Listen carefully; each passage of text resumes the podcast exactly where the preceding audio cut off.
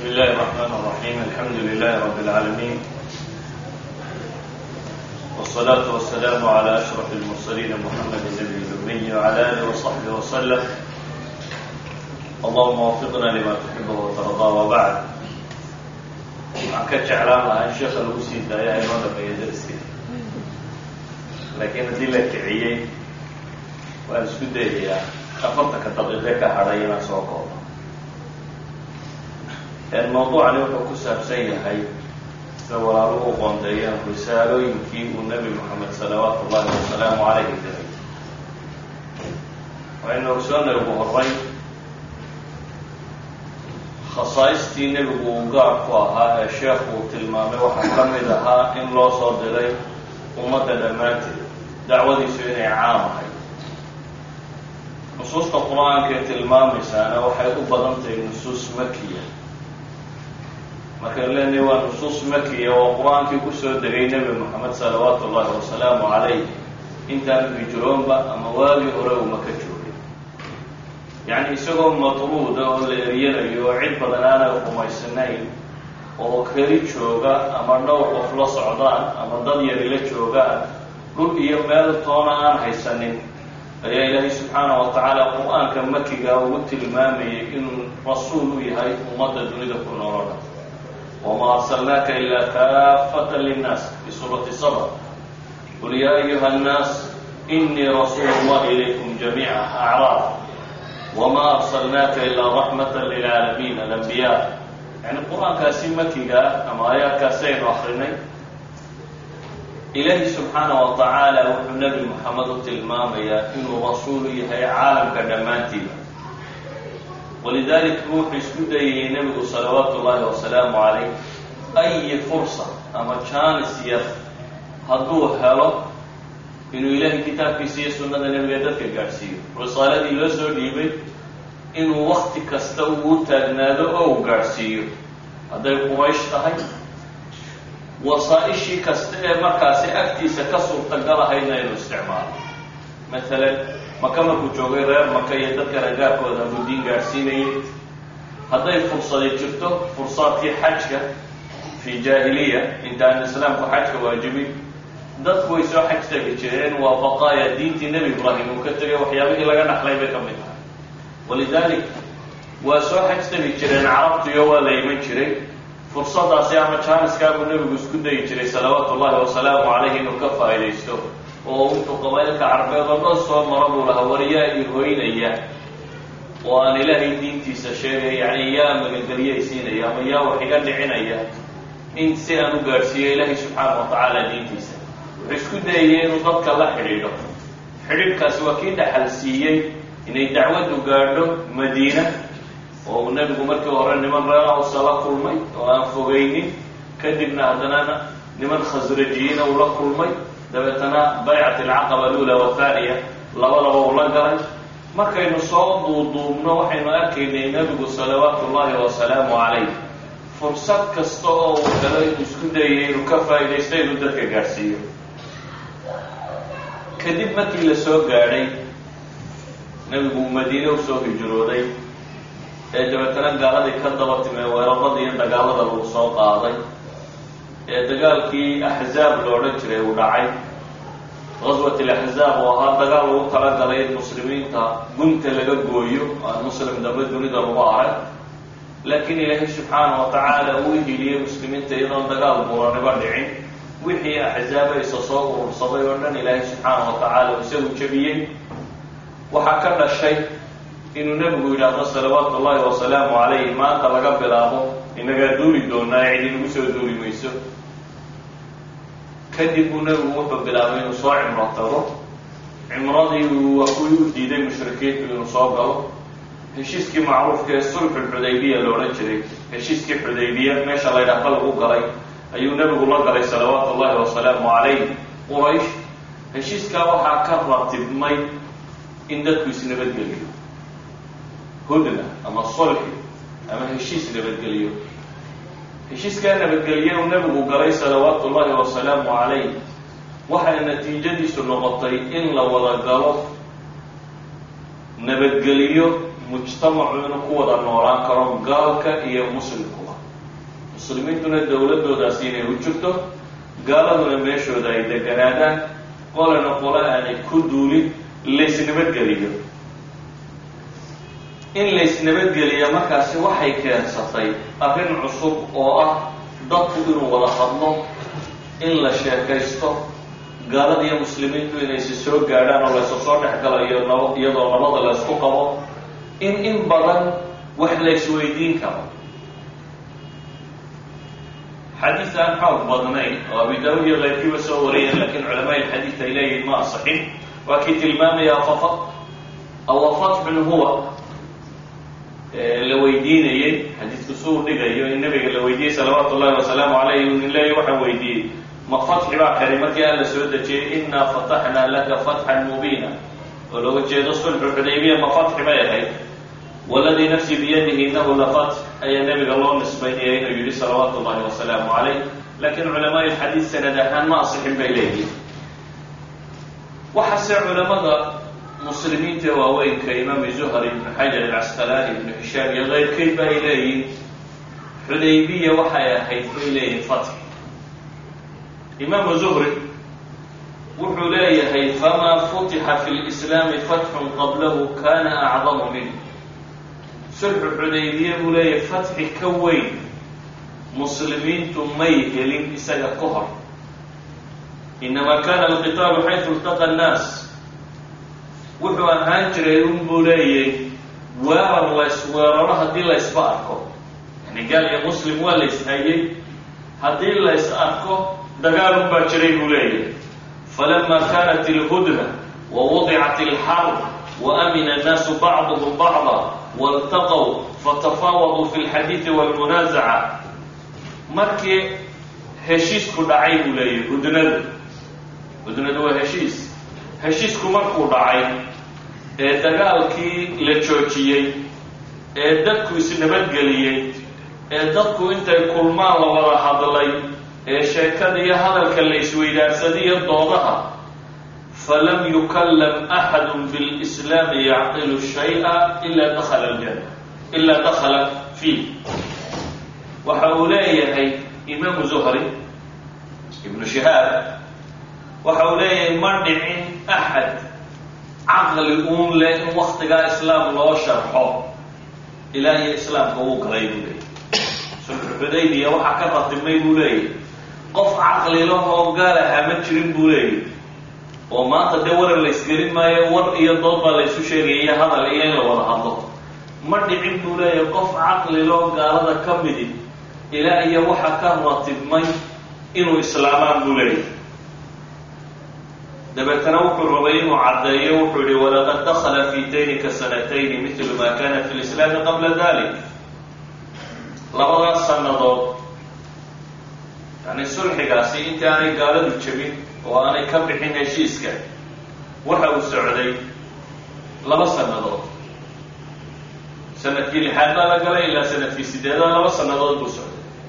Labadaasi sannadood buu leeyahay waxaa soo galay islaamka dadkii ku jiray markii hore muslimiinta ahaa dad ka tiro badan. Leh walidalik baa ibnu hishaam oo raba arrintaa inuu daliilu sameeyo ayaa wuxuu yidhi ilaahay rasuulkiisu xudaybiya wuxuu ku tegey markii uu heshiiska gelayay kun iyo afar boqol oo nin buu yidhi caamil fatxi markii maka la furanayay oo a markii ay heshiiska buriyeenna toban kun oo nin buu ku buriyey buu leeyay toban kun oo nin ayuu maka ku qabsaday yani wuxuu leeyahay ciidanku markii hore kama badnayn kun iyo afar boqol laba sano kadibna ciidanku wuxuu gaadhayay maxay? Toban kun. Taasi waxay tilmaamaysaa buu leeyahay dadkii muddadan yar islaamka soo galay. Walidalik bu ibnu xajarna fi lfatx buu ayidaya xoojinaya. Waxay leenahay islaamku marka nabigu salawaatu ullahi wasalaamu calayhi iyo saxaabadiisii waxay ka faa'iidaysteen. Waktigii dadku uu nabadda ahaa walidalik ayuu sheekh jacfar idriis ba wuxuu odhanaya waxa fiican jawi kaa la mida haddii la helo. Dadka muslimiinta inay ku dadaalaan inay xejiyaan oo nabaddaasi ilaaliyaan waayo waxaa ka ratibmaya haddii dacwo fiican la sameeyo in dadku diinta ay si fudud ay u soo galaan. Nebigu salawaatu ullahi wasalaamu calayh xaalkiisu markuu halkaa marayay waktigaa hudnada alla galay wuxuu bilaabay inuu diinta gaadhsiiyo khaarij aljaziira alcarabiya jaziiradii carbeed iyo intii carabi degi jirtay dhulka baxsan. Inuu waraaqo u kala diro boqoradii iyo maamuladii la yaqaan markaas iyo dunida ka jiray oo laba dowladooda waaweyn oo xoogan baa ka jiray iyo dowlado yaryar oo kale iyo wilaayaad yaryaroo dowladaha waaweyn taabicu ah. Waxaa ka jiray dowladdii persianka ama iiraaniyiintu ay madaxda ka ahaayeen ee ciraaq iyo wixii ka dambeeya ka dhisnaan jirtay. Madaa-in looga talin jiray. Madaa-in waa magaalo yaro hadda baqdaad dacalkeeda ah. Waxaa ka mid ahaa dowladdii romaniska ee qaysar. Qayaasiradu ay ka talin jireen intan sare markaasi xukumi jirtay byzantiintii bay waktigaasi ahaayeen waxaa ka mid ahaa dowladdii weyneyda xabashida. Ee etoobiya ka talin jirtay ama dhulkii xabashida loo yaqaanay waagaasi ka talin jirtay. Waxaa ka mid ahaa duwal yaryar oo duwalkaa waaweyn taabic u ahaa.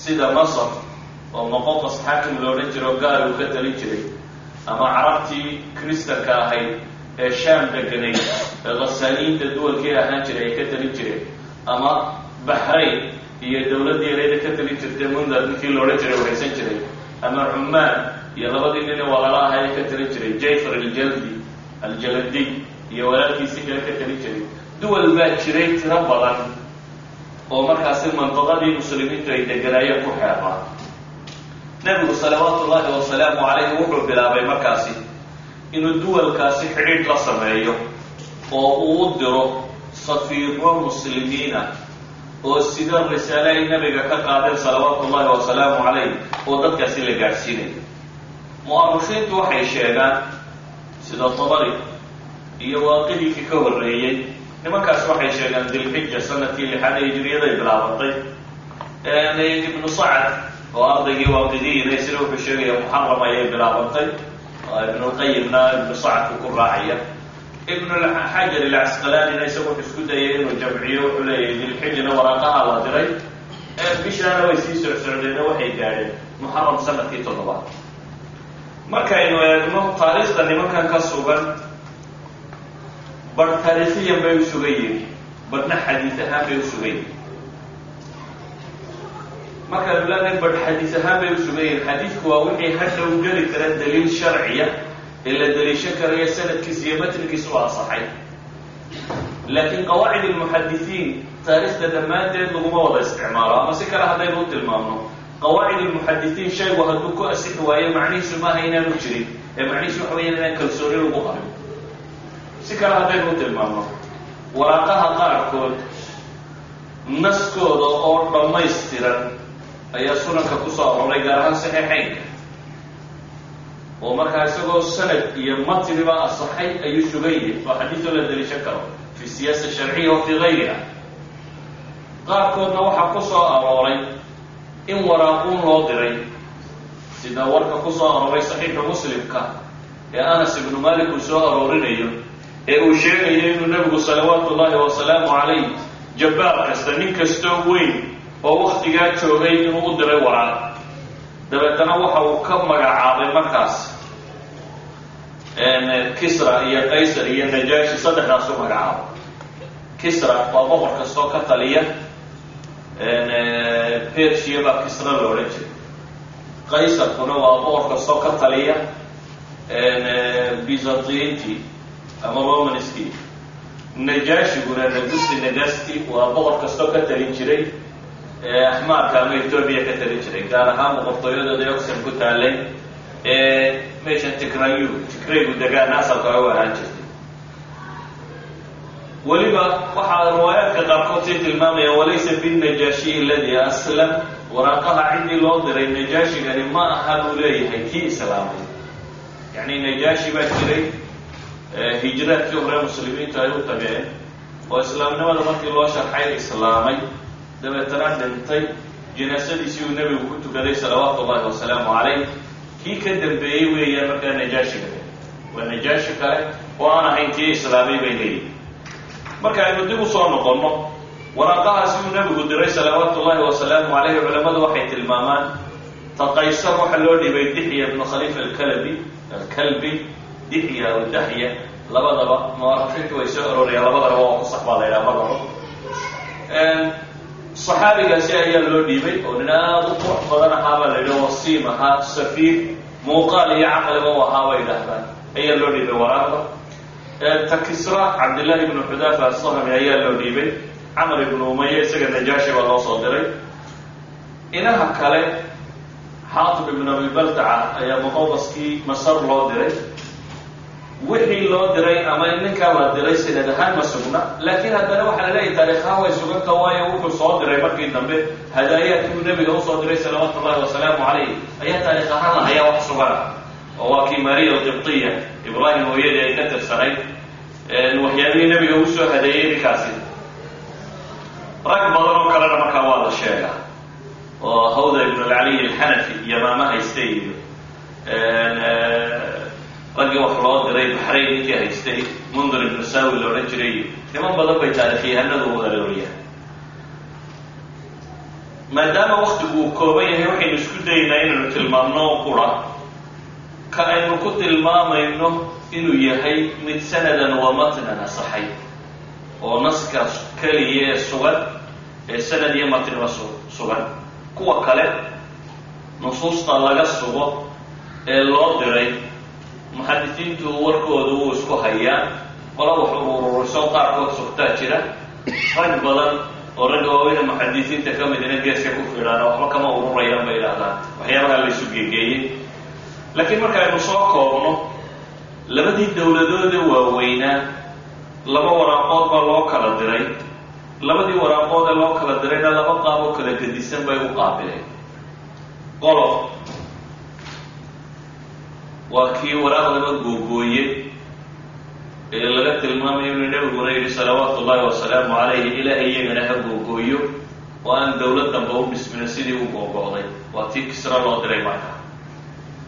Nimankii uu yidhi soo qabta nebi maxamed ay keena baadaan ninkii la odhan jiray abnaaga ka tirsanaa abnaagu waa wulaadii yeman haysan jirtay ee beershiyaanka ka mid ahaa.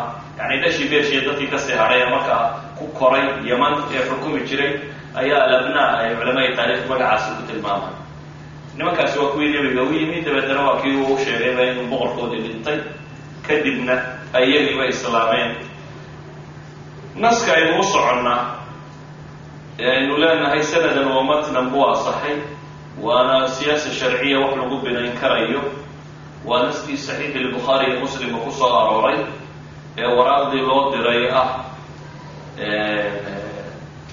heraclis ninkii la odhan jiray heraqal carabigana lagu idhaabo heraqal xadiidka bukhaari waxa uu sheegayaa abu sufyaan ayaa ka warramaya oo wuxuu leeyahay heraqal baa dhulkooda ayaan qabanay buu leeyahay anigoo koox carbeed la socda markii dadku uu nabday tujaar anagoo ah baanu shaam qabanay buu leeyahy fi lmuddati alati kana sala allahu alayh waalih wasalam maadda fiiha waktigii uu nebigu heshiiska la galay yani fi lhudna waktigii uu nebigu heshiiska la galay kufaaru quraysh ayaan qabtay buu leeyahy isagoo safar hogaaminaya. Yani waxaa macruufa abu sufyaan qaa'id miidaaniyo dagaalna wuu ahaa taajir weyn oo rajululacmaal oo safarada hogaamiyo oo baacmushtarkaasina hogaamiyana wuu ahaa. Marka wuxuu leeyahay waan baxay iliya baan qabtay waa qudus markaan meeshii tagnayna waxaa noo yeedhay ninkii la odhan jiray heraclis heraclis markuu noo yeedhay wuxuu kaloo u yeedhay buu leeyay dad waaweyn oo cudamaa ruum ka tirsan. Wuxuu kaloo u yeedhay buu leeyay tarjumaankiisii tarjumaan iyo turjumaan labadaba oo la ydhaahda markii uu noo yeedhay wuxuuna weydiiyey buu yihi su'aal ah ayukum aqrabu nasaban bihada rajul? Ninka kan bihada arajul aladi yazcum anahu nabiy war ninkan nebiga sheegtay kiinee baa qaraabo u xiga buu leeyahy waayo ninka qaraabada ugu xigaa su'aalaha la weydiin doono nasabka iyo waxaa ku saabsan ceeb kama sheegi doono waa yani been kama sheegi doono yaa idinku qaraabo dhow buu yidhi abu sufyaan wuxuu leeyahay waxaan ku yidhi aniga ayaa qaraabanimo ugu dhow soo dhaweeya buu yidhi isaga marka qoladii kalee la socotay abu sufyaan abu sufyaan dhabarkiisa fadhiisiya buu leeyahy herakles sida ka muuqata nin caqli badan buu ahaa. Inkastoo culimmadu ay intooda badani leeyihiin xaqa muu qaadanin haddana laakiin nin caqli badan aqoonna la u ahaa aqoon kutubtooda uu lahaa. Cilmu nujuumka iyo xidigiska beentoodana wuxuu ka yaqaanay. Laakiin qaabka uu ula dhaqmayba waxay tilmaamaysaa inuu nin caqliyo garaad le u ahaa ninkan uu rabay inuu wax weydiiyo xagga horuu soo fadhiisiyey nimankii la socday kamuu horkeenin waayo labada qof haddii laska horkeeno inay ama isu seeyaaliyaan ama kala khajilaan ama war badan ay sodhan kari waayeen baa suurtagala. Wuxuu yidhi daba fadhiista ma arkayo waxa ay calaamadinayaan ama scienska ay bixinayaan ma arkan qoladii kalena daba fadhiista buu ku yidhi. Markuu meeshaasi wada fadhiisiyey ayuu wuxuu ku yidhi ninkan wax baan weydiin doonaa hortayda fadhiya ee hadduu been ii sheega beeniya buu ku yidhi qoladii dambe abu sufyaan hadduu been sheega beeniya abu sufyaan baaba dhaaranaya wuxuu leeyahy fa wallahi lawla alxayaa an yasru ilaahay baa ku dhaartay xishood haddaanu jirin oo aanan ka cabsanaynin in been laygu qabto hadhow been layga geeyo laydhaa ninkii weynaa been buu sheegay nebi maxamed markaa colaadaan u qabay buu leeyay waa ka been sheegi lahaa laakiin waxaan ka cabsaday dee reerihiiyo dadkii marka la tago dadkii hore beenta way necbaayeen sida nimka loo fudaysaday waa shumay fududay waxa abu sufyaan markaa leeyahay wuxuu weydiiyey su'aalo war ninkan nasabkiisa ka warran buu ku yidhi. Waxaan idhi buu yidhi waa nin nasab leh oo reer layaqaan ka dhashay oo macruuf xaggaa ka ah. Wuxuu weydiiyey buu yidhi warkan uu sheegayo cid iga horraysay oo dadkiina ka midoo tidhi ma jirta. Waxaan ku yidhi buu yidhi may. Wuxuu yidhi aabbayaashiisii isaga ka horreeyey wax boqor ahaan jiray ma jira waxaan ku yidhi buu yidhi may wuxuu weydiiyo kale ma dadkii sharafta lahaa iyo madaxda ahaabaa raacay mise dadkii aan wax badan haysanee ducafaadu qoomkaabaa raacay waxaan ku yidhi buu yidhi maya dadka ducafaada baa raacay wuxuu weydiiyey ma tiro badanayeen mise way naaqusayeen yani markay dad raaceen dadku kolba dib ma u noqonayeen ma laga baxay ma tiro badanayeen mise way korayeen waxuu yidhi waa korayeen wuxuu weydiiyey dadkii diintiisa qaatay wax ka baxay oo cadho uga baxay daraaddeed oo diintan intay nacin ka ridoobay ma jiraan. Waxaan ku yidhi buu yidhi maya wuxuu weydiiyey been marnaba ma ku tuhmaysay. Oo nin hore beena loogu tuhmi jiray ma yahay. Waxaan uugu jawaabay maya wuxuu weydiiyey qadri ma sameeyaa ballanka ma ka baxayo ma khiyaamo maydinku sameeyaa waxaan ku yidhi buu yihi maya laakiin waxaan isiri u yihi halkan jaanis baad yara haysataa in geli abu sufyaan beenta uu iska ilaalinaya laakiin halkan waxaan isiri bu yihi fursad baad haysataayo muddaa laakiin imka reerkii ka soo maqnayn buu yihi intii haddaan wax samaynin intii hore kumaanan aqoonin buu yihi waa meesha qura aan helay buu yidhi fakada ah ee aan wargelin karaya bay ahayd buu yidhi waxaan bu yihi garan maayo intii aan ka soo maqnay inuu wax sameeyeen wuxuu weydiiyey buu yihi ma la dagaalanteen haa baan ku uri. Dagaalkiinu siduu noqday ba ayuu ugu jawaabay. Wuxuu ihi dagaalka iyagu wuxuu ahaa wadaamaysi sijaal. Yacni mar baa nala darsanaa isna mar buu darsadaa. Wadaamaysigaasuu ahaayo qoloba annana waa wax ka gaari jirnay isna wax waa marna waa naga xoog badan jiray marna waa ka xoog badan jiray. Intaasoo su'aala markuu weydiiyey haddana wuxuu weydiiyey. Muxuu idin faraa markii hore masaa'il caqliya buu weydiinayay. oo ku saabsan waxaanay criminologygu yidhaahdaan. Qofka su'aalaa la weydiiya si aad waxu baadho waxu ogaatay masaa'il caqliya buu wada weydiinayay. Haddana masaa'il naqliga weydiinaya marka. Masaa'ilkii caqli ahay weydiiyo dhan wuu ka jawaabay. Wuxuu weydiiyey marka kan muxuu idin wey muxuu idin amraa marka muxuu idin faraa. Bal warka uu sheego sheeg wuxuu yidhi wuxuu nagu yidhaahdaa alle keligii caabuda oo cidna ha ugu shirig yeelina oo iskaga taga wixii aabbayaashin ay caabudayeen. Wuxuuna faraa buu yidhi salaad run dhowrsooni iyo qaraabo xidhiidhin buuna faraa abu sufyaan su'aalihii la weydiiyo o dhan wuu ka jawaabay. Kuwii caqliga ahaa ee la waraysanayay wuu ka jawaabay kuwii naqliga ahaa ee warka wuu ka jawaabay marka kan heracles baa hadlaya warkaa heraqal ayaa hadlaya waxa uu ku yidhi markaa tarjumaantiisa ninkii turjumaanka u ahaa wuxuu ku yidhi qul lahu waxaad ku tidhaahdaa waxaan ku weydiiyey nasabkiisa yani warka o dhan waa soo koobeyna waayo ruux saaxin ka yar baa ka hadhay rajaynaya waxa uu ku weydiiyey buu yihi nasabkiisa waxaad ii sheegtay buu yihi inuu nin ka dhashay oo duu nasaba u yahay rusushuna saasay wada ahaan jirta dad liita oo meel liita ka yimi may ahayn ee dad la yaqaano macruufay wada ahaayeen waxaan ku weydiiyey buu yidhi dadkii bii-adii a ku noolaydeen cid warkan hore u sheegtay ma jirtaa waxaad igu jawaabtay buu yidhi maya. Su'aasha waxaan ku weydiinaya buu leey waxaan ogahay haddii bii-adahay dhulka aad deganaydeen cid ka mid oo hore nebiye u sheegatiyo waxaa hadday jiri lahaayeen kuwiibuu ku dayday baan odhan lahaa. Marka adiga igu yidhi buu yidhi taasina ma jirto. Waxaan ku weydiiyey buu yidhi aabayaashii wax boqortooyo hore lahaa ma jira. May baan ugu tiri. Waxaan uga jeedaa buu yidhi haddii aabayaashii hore ay boqorra ahaayeen waxaan odhan lahaa buu yihi waa nin boqortooyadii daba socdo raba inuu madax noqdo kursigiibuu raadacadiisa yahay waxaan ku weydiiyey buu yidhi been ma ku tuhumtay wax beena ma ku ogti waxaad igu jawaabtay buu yihi maya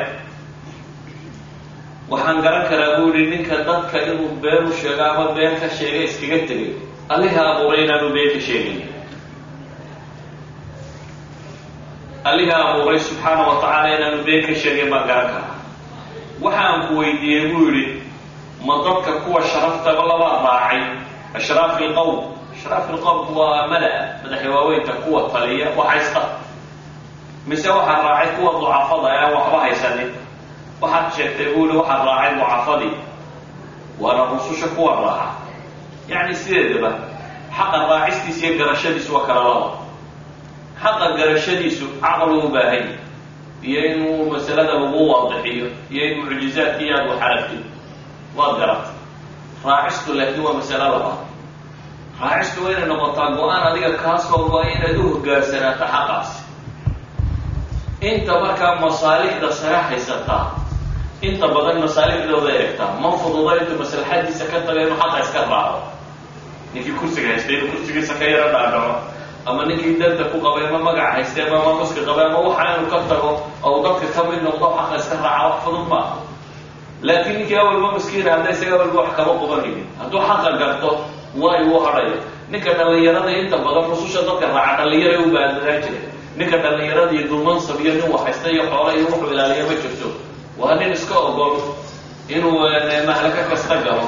Walidalik maadaama uu gartay waxaa inuu xaq yahay uu raacayo sidaa awgeed marka laleeyahy ducafadaa raacda macnaheedu maaha yani mabda dadka liita ay raacaan weeyaan waa mabda dadka aan masaalix dunawi oo adagoo ku xijinaysa aanay jirin baa raacaya laakiin xaqnimada kuwa madaxa waaweyn kuwa madaxa yarare labadaba waa garanaya yani markuu la caddeeyo rasuul waliba risaaladiisa u sharxo waa la wada garanayay marka wuxuu yihi rususha dadkii raaci jiray kuwaasun bay ahaayeen. Kuwa aan masaalix gaara ilaashanayn bay ahaayeen. Waxaan ku weydiiyey buu yihi miyay korayaan? Waa sii tiro badanaya mise waa yaraanayaan. Waxaad ii sheegtay buu yihi inay yaraanayaan. Inay korayaan baad ii sheegtay buu yihi fakadalika amru liimaani xataa yatim waa sidaas buu yihi arrinka iimaanku ilaa iyu ka dhammaystirmo waxaan ku weydiiyey buu yihi cid diintan intay ka cadhootay ka noqotay ma jirta waxaad ii sheegtay buu yihi may waa sidaa buu yihi iimaanku markuu qalbiga dego iimaanku markuu qalbiga dego bashaashat liimaan hadday qalbiga degto waa saasoo dadku nimcada si dib ugama soo noqdaan hadday dhandhamiyaan yani wuxuu sheegay inay korayaan walidalik mas'alada tan uu sheegaya waa masaladii qoladii yuhuudeed ay lahaayeen nebi maxamed diintiisa si aynu dadka ugu tilmaamnay inay xun tahay waxay yidhahdeen aaminu wajha nahaar maalinta gelga horena gala maxay gelga dambana ka soo baxa si loo arko dad baashi marna way koraysaa marna dib bay ukayaacaysaa in loo yidhaahdo ama ninkani wuxuu tilmaamaya waktigaaba uu abu sufyaan uu ka warramayaana waa xilligii maka la joogay ee munaafiqiin iyo dadkaasi aanay diin gelayna dadka diinta imanaya unay ahaayeen kuwa xaqnimadeeda raacaya waxaan ku weydiiyey buu yidhi ballanka ma ka baxaa qadri ma sameeya. Khiyaamo iyo ballangoys ma yahay oo wuxuu heshiisa ku gashaan ma buriyaan may baad igu tiri bu yihi wakadalika rusulu laa tadri sidoo kale weeyaan maan idhi bu i ayuu ku yidhi rusushuna may ahaan jirin dad wax khiyaameeya. Idan calaamaadka aan ku soo weydiiyo o dhan waa calaamaad macquula oo caqliya oo lagu ogaan karo buu leeyahay qofku inuu qof run sheegaya yahay ee kale wuxuu markaa u dhaadhacay bal mabda uu dadka faraya haddaba inu ogaa markii hore isaga wuu sifaysanaya qofku qofkuu yahay haatana wuxuu eegayaa mabda uu wado iyo waxa uu yahay bal waran buu yidhi waxaan ku weydiiyey muxuu dadka faraa waxaanu waday risaaladan uu sidee dadka u sheegayaa maxay tahy waxaad ii sheegtay buu yidhi inuu dadka farayo tawxiidka ilaahay keligii caabuda oo cidna ugu shariik yeelina. Cibaadatul awthaan iyo waxaa aabbayaashay samaynayeenna ka dheeraada salaad tukada oo ilaahay ku xidhma sidqi iyo run sheega cafaaf iyo dhowrsoori la kaalaya qaraabo xidhiidhiya. Waxa aad sheegaysaa buu yidhi markaa hadday run tahay oo warku sidaa aada ii sheegtay uu yahay. Warku sidaa aada ii sheegtay. Hadduu yahay oo ay run tahay ninka kali buu yihi wuxuu qabsan doonaa halkan anigu aan maanta fadhiyo. Waqad kuntu aclamu annahu khaarij waanan ogaa buu leey inuu soo bixi doono nebi. Laakiin maan moodin buu yihi inuu tolkaa ka soo baxayo. Ee haddaan ogahay buu leeyay falow annii aclamu annii akhlusu ilayh. Haddaan ogahay inaan gaadhi karo latajashamtu liqaa'ah waan yacni mashaqo kasta iyo kulfo kasta waan u samayn lahaa si aan ula kulmo haddaan la joogana buu yihi carihiisaan maydhi lahaa. Heraqal baa warkaale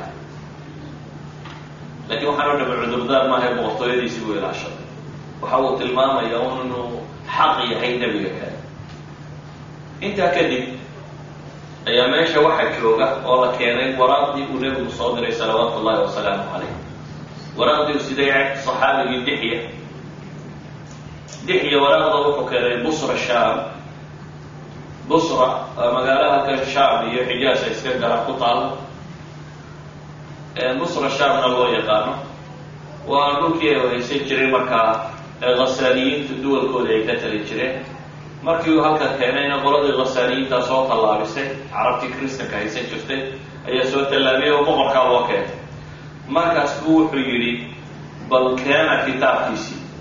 Kitaabkii baa la keenay waxaa la akrinaya warqadii uu nebigu soo qoray salawaatu ullahi wasalaamu calayh warqaduu nebigu soo diray waa tan bismi illaahi araxmaani araxiim min muxammadin cabd illahi warasuulih ila hiraq cadiim الrum salaamu clى man itabaca alhuda ama bacd fainii adcuka bidicaayaة اlislaam aslim taslam yu'tika allahu ajraka maratayn fain tawallayt فإن عليك إثم الأريسيين يا أيها يا أهل الكتاب تعالوا إلى كلمة سواء بيننا وبينكم ألا نعبد إلا الله ولا نشرك به شيئا ولا يتخذ بعضنا بعضا أربابا من دون الله فإن تولوا فقولوا اشهدوا بأننا مسلمون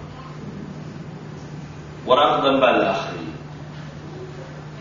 waraaqdan nebigu salawaatu ullaahi wasalaamu calayhi waa waraaq yar oo muujisa oo jawaamiculkelimku sheeku hadda tilmaamaya xambaarsan waa waraaq tilmaamaysa inuu nebigu salawaatu ullaahi wasalaamu calayhi dadka la jeclaa inay islaamaan waxa uu nebigu ku bilaabay ilaahay magaciisa subxaana wa tacaala waraaqiduu nebiguna saas buu caan ku ah inuu ilaahay magaciisa ku bilaabo walidalik baa culamaai salaf rag badan oo ka mida kutubtooda xamdalo kumay bilaabi jirin ee bisikaw bay ku bilaabi jirin waxaa maktuubka ah sida bukhaari iyo asxaabu sunan rag badan oo ka midi ay kutubtooda ku bilaabeen nebigu salawaatu ullahi wasalaamu calayh wixii waraaq ciduu qoray ama la hayo hataa saxaabada hore aar aharka la haya tirada badan le bisikaasun bay ku bilaabi jirtay bismi illaahi araxmaan araxiim ayuu nebigu ku bilaabay dabeetana wuxuu ugu xigsiiyey min muxammadin cabdillaahi wa rasuulih waraaqdani waxay ka timi nebi moxamed oo ilaahay addoonkiisii yani waxay culammadu sheegaan meeshan xikmad baa ku jirta. Xataa rasaa'ilka kale inkastoo aynu dhi iyagu ma sugna qoraaladooda min xayti sanad marka lagu xisaabtamayo waxay yidhaahdaan cabdullahi kuma jirto kuwabuu meelaha kale u diray laakiin kan way ku jirtaa bay yidhahdaan waayo qoladani masiixiyiin bay ahaayeen oo waxay ku dhibtu ka haysatayba inay ilaahay rusushiisii uu u soo diray ay yidhaahdeen waa ibnullahi ay ku tilmaameen ama thalitu halaata ay ku tilmaameen. Nebi moxamed salawaatu ullahi wasalaamu calayhi can qasdin buu markaa waraaqda sidan ugu qoray bay yidhaahdaa. Oo uga bilaabay min muxamedin cabdillahi wa rasuul waxay ka timi waraaqda tani muxamed oo ilaahay addoonkiisiiya iyo rasuulkiisiina waana ammaan halka ugu dambaysa. Addoonnimada ilaahay waa meesha aanu dhaafi karima bini aadam.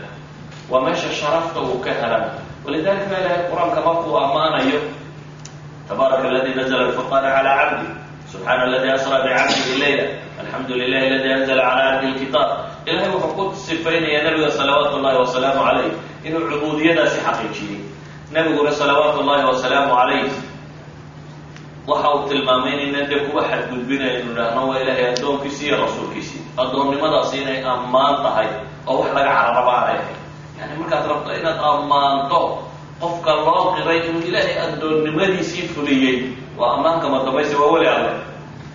Ilaa hiraqla cadiimi ruum nabigu salawaatu llahi wasalaamu calayhi markuu magaca ilaahay ku bilowday waxau ku xigsiiyey inuu tilmaamo warqadu cidda ay ka timi iyo cidda ay ku socoto. Culamadu halkan waxay tilmaamaan nebigu wuxuu tilmaamay hiraq cadiimi ruum meliki ruum lama odhan laakiin cadiimi ruum awalan ninka kan gaal buu ahaa. laakiin waxa la rabay in islaam loo soo badhigo islaamku markaasi dadka marka diin loo bandhigayo lama caayo lama maago booska uu leeyahay lagama qaado. Bale xataa taariikhda islaamiga waxaa lagu tilmaamaa cid islaamtay oo nidaamkooda uu si u dhisnaa nebigu kama ridin nin madaxnimadiisi iyo mid kale ma saarin ma odhan war adigu qabiilku somaynan islaamay adigo awalba mid fiican maad hayna ka hadh nin baa reerka ku jira kale oo muslim oo kaasoo diin horreeya isagaa xukumaya hataa nebigu kuma odhan reer wal oo islaamoo u yimi ciddii madaxda u ahayd buu u daayo madax u ahay walidalik usluub ilaahay subxaana wa tacala qur'aanka wuxuu inoogu tilmaamayaa inaynu diin dadka diinta ugu yeedhno maxay bilxikma walmawcidati alxasana xikmo iyo mawcido xasana iyo jidaal wanaagsan inaynu dadka wanaag dadka ugu farno ilaahay nebi nabiyullaahi muuse markuu dirayay waxaa la yidhi fircoon waxaa ku tidhahda quula lahu qawla layina hadal fiican ku dheh qofka muslimkii sidiisaba bacaan maaha qof wax caayo maaha qof wax maaga maaha maanta waxaad moodaa ducaadu muslimkaaba baxsana kuwa muslimiinta aba sida loogu wada cayo aad ka argagaxaysa yacni kaba kaale qof gaaleed iyo kale ninkan isagoo gaala ayuu nebigu salawaatu llahi wasalaamu caleyh haddana wuxuu u sugay wixii ay tooti u haysteen oo ah inuu madaxdoodii yahay. Cadiimu ruum buu markaa nebigu ku tilmaamay. Romaniska odaygoodii duqoodii inuu yihi ayuu nebigu u tilmaamay. Kadib waxa uu nebigu salawaatu llahi wasalaamu calayh u tilmaamay salaamta in dadka alla raaca iska leeyihiin nabadgeliyo. Salaamun calaa man itabaca alhuda intaa kadib ama bacd fa innii adcuuka bidicaayat lislaam wuxuu nebigu leeyahy salawaatu llahi wasalaamu calayh waxa aan kuugu yeedhaya bidicaayat lislaam ay bidacwat lislaam islaamnimaan kuugu yeedhaya bayla ayuu nebigu leeyahy salawaatu llahi wasalaamu calayh waa dacwa sariixa.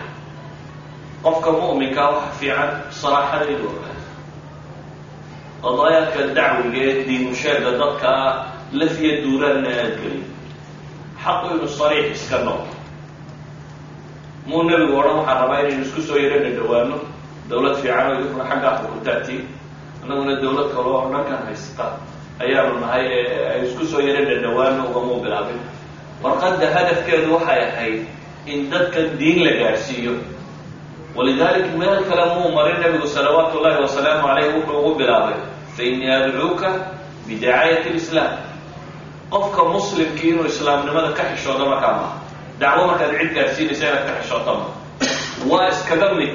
Hadduu boqor yahay hadduu filosof yahay hadduu saynisyahan yahay iyo hadduu adhiga raaco laa ilaha illa allah baa loo wada sheegaa. Bashariyaday wada wadaagaan. Kalimatu tawxiid bay u wada baahan yihiin kelimatu tawxiid maaha dadka masaakiinta inta adhiga raacda iyo inta iska liidata eray loo sheego. Oo aad hadhow ka fikirto niyo brofessorkaydii baan utagaya taw maxaan ku idhaha brofessorka laa ilaha illa allahna ku dheh sawa hadduu brofessor yahay hadduu saynisyahan yahay hadduu miskiin yahay hadduu suuq joogo waa bashar basharkuna tawxiid baa ilaahay ugu soo dhibay rususha. Uma baahna falsafad kale iyo wax kaloo aad u raadacayso u baadi doonto. Baahidan baa bini aadamku wada qaba ah in la baro inay ilaahay addoomo u wada yihiin dabeetana nebigu salawaatu ullahi wasalaamu calayh miraqalkii room ka talinayay oo marka kan weliba madaxu u taagnaayo ah markuu bershiya ka guulaystay yani labadii dawladood ee waaweyne ishayey marka kan waxaa calanka sitoo hogaaminta waday waa miraqal baa hogaaminta waday oo wuxuu soo jebiyey bershiya sida aayadka qur'aan iba tilmaamayaan aliflamin gulibat rum ilahay ku tilmaamayo. Waa waktigay soo jabeen kadib.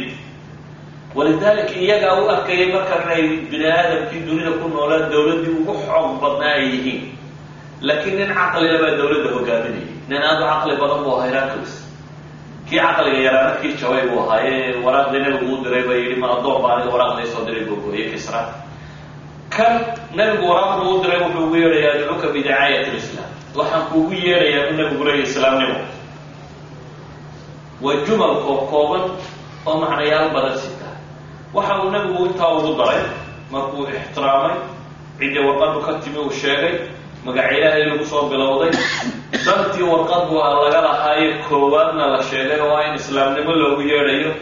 Kadib waxaa lagu bilaabay tarkiib oo ajar iyo wax la jeclaysiinaya iyo tarhiiba waxaa la yidhi aslim taslam.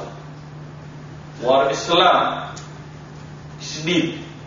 Aslim waa isdhiib. Yaa la isu dhiibayaa ilaahay subxaana wa tacaala isdhiib baa la leeyahy ilaahay isu dhiib haddaad taa samaysana taslam waad nabadgelaysaa dawladnimadaada kuu nabadgelaysa aakhiradaada kuu nabadgelaysa adduunkaadaa kuu nabadgelaya waad nabadgelaysaa baa la yidhi isdhiib waad nabadgelaysaa markaasu wuxuu nabigu kaloo ku yidhi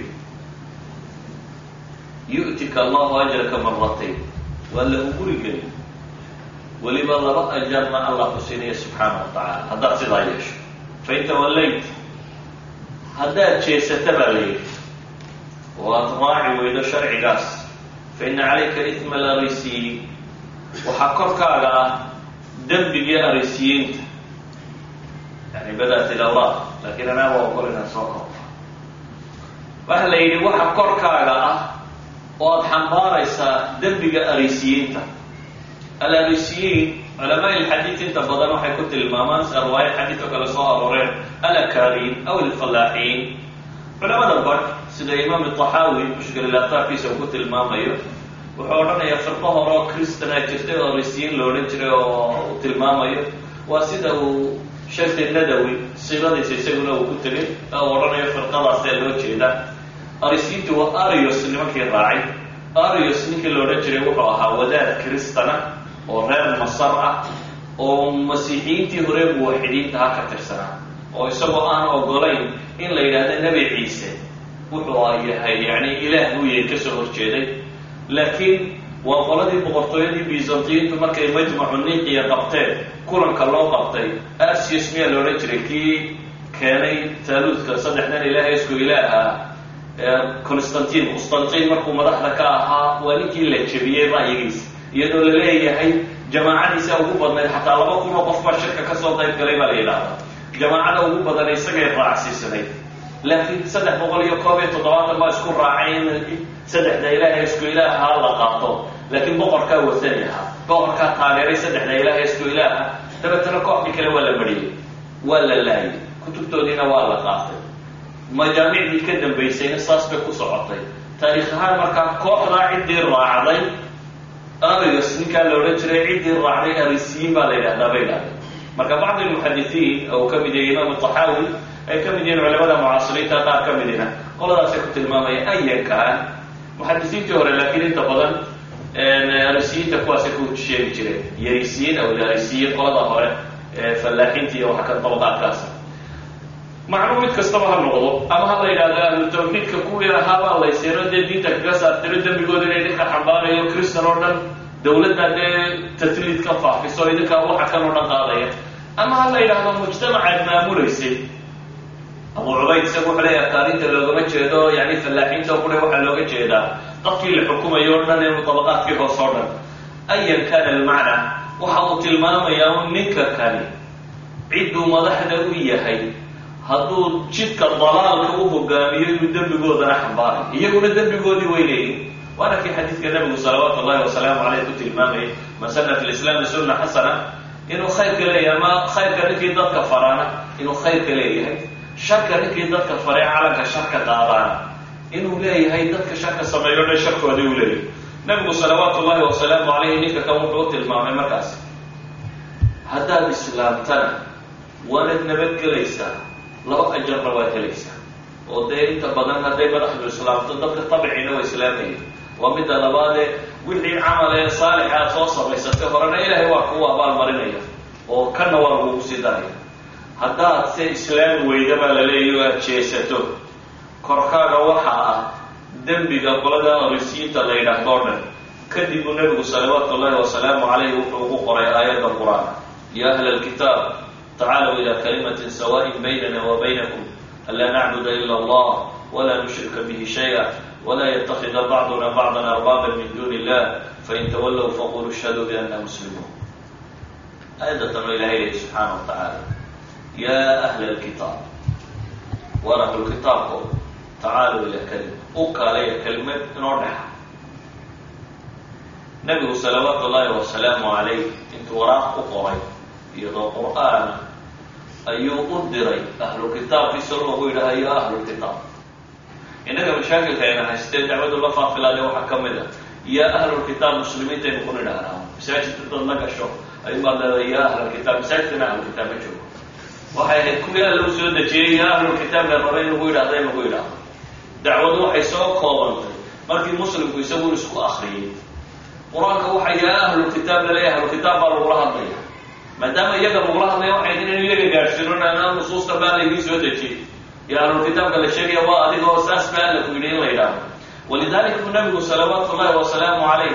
Ahlukitaabka intii madiine iyo agagaarkeeda la joogto qura wuxumuu sheegaynine ahlukitaabka ka maqanna waraaqu ugu diray. Si ay u gaadho iyo ahlulkitaabkii alla uu ku yidhi subxaana wa tacaala. Si awgeed bu aayadda qur'aana nabigu uu ugu qoray oo waraaqdii laguma koobin oo qura. Intii warka nebiga ahayde qur'aan uu istidlaalaya nebigu salawaatu ullahi wasalaamu calayh oo ah qur'aankii ilaahay soo faray ee loo soo diray ahlukitaabka in lagu yidhaahdo ayuu nebigu ku leeyay ya ahlulkitaab walidalik waxaan idinkala dardaarmaya inaynu keligaan intaynu masaajidka fadhiisano ya ahlulkitaab ku akrino ya ahlulkitaab nimankaasaa lagu leeyay nimankii waynaynu sheegna ilahay wuxuu leeya ahlukitaabu kelimad u kaalaya inoo dhexa kelimadaasi waa maxay? Waa ilahay tawxiidkiisa. Alle subxaana wa tacaala keliga in la caabudo waan cidna loogu shariik yeelin inaguna inayna rabbiya iska dhigan. Markeenba barhka kale inaanu rabbi ka dhigan. Oo haddaad adigu tidhaahdo qofka anaa kuu dejinaya waxaad ku noolaanayso iyo sidaad u soconayso iyo waxaad ku dhaqmayso adaan rabbi isaga dhigin. Qofka basharka ah waxaa maamulaya ilaahay baa dejiya. Ilaahay baa rabbiya marka inagu iyo rabbiya iska dhiganin baa la leeyahay ku dheh. Ee ilaahay subxaana wa tacaala aynu keligii ka dambayno hadday sidaa diidaan baa la yidhi subxaana wa tacaala. Waxaad ku tidhahdaa markhaati ka ahaada anagu muslimiin baanuna ilahay baanu rumaynay waraaqdaasi markii ay gaadhay ee nimankii la isku akriyey ee qiraa'adii dhammaatay buuq iyo qaylaa bilaabmay oo nimankii cudama ruume meesha fadhiyay wadaadadii wixii aad bay uga qayliyeen dabeetana abu sufyaan wuxuu yihi waa nala saaray inagoo dabaddaa naloo saaray markii dabadda naloo saaray baa kooxdii la socotay waxaa ku yidhi buu yidhi laqad amira amru ibna abi kabsha. Wallahi baan ku dhaartay waa waa weynaaday arrinkii nebigu eray yar uga jeedaa ibna abi kabsha.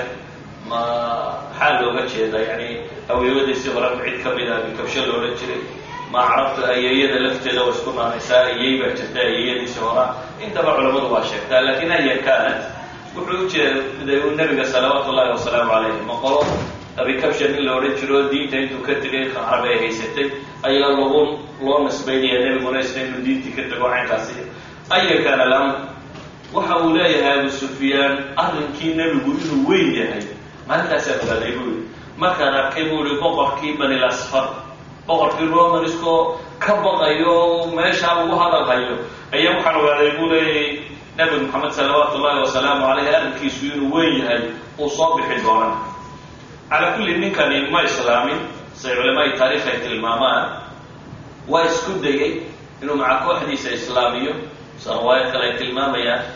Laakiin laguma kumuu guulaysan markuu arkay inaanu ku guulaysanayna wuxuu yidhi war haddaad raacdaan aynu diintaa qaadano waa liibaanayna waa falaaxinaan qaadano dabeetana waa la buuqo waa la qayliyo waa laga kacay albaabadu markii hore soo xidho markii uu yidhi soo celiya markuu arkay dee in lagu kacayo kursigaa la weynaaday wuxuu yidhi awalba idinkun baan idin eegayay dee diinta kama tegayna halkeeni baynu ka wadayna idinkun baan eegoonina anigiina bahubiyo haddaa sidaa u haysataan diinta. Ee waktigii uu iska dhammaaday. Intaynu naskii xadiidka akrinayna waktigii dhammaaday. Wixii aynu ka istidlaali lahayd. Cumuuma waxaynu ku soo koobaynaa.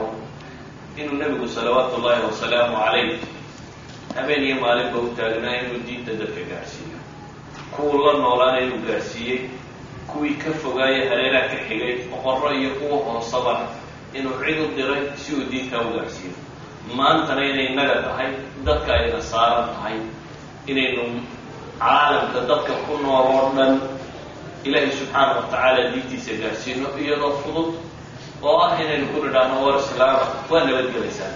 Wallahu aclam bilah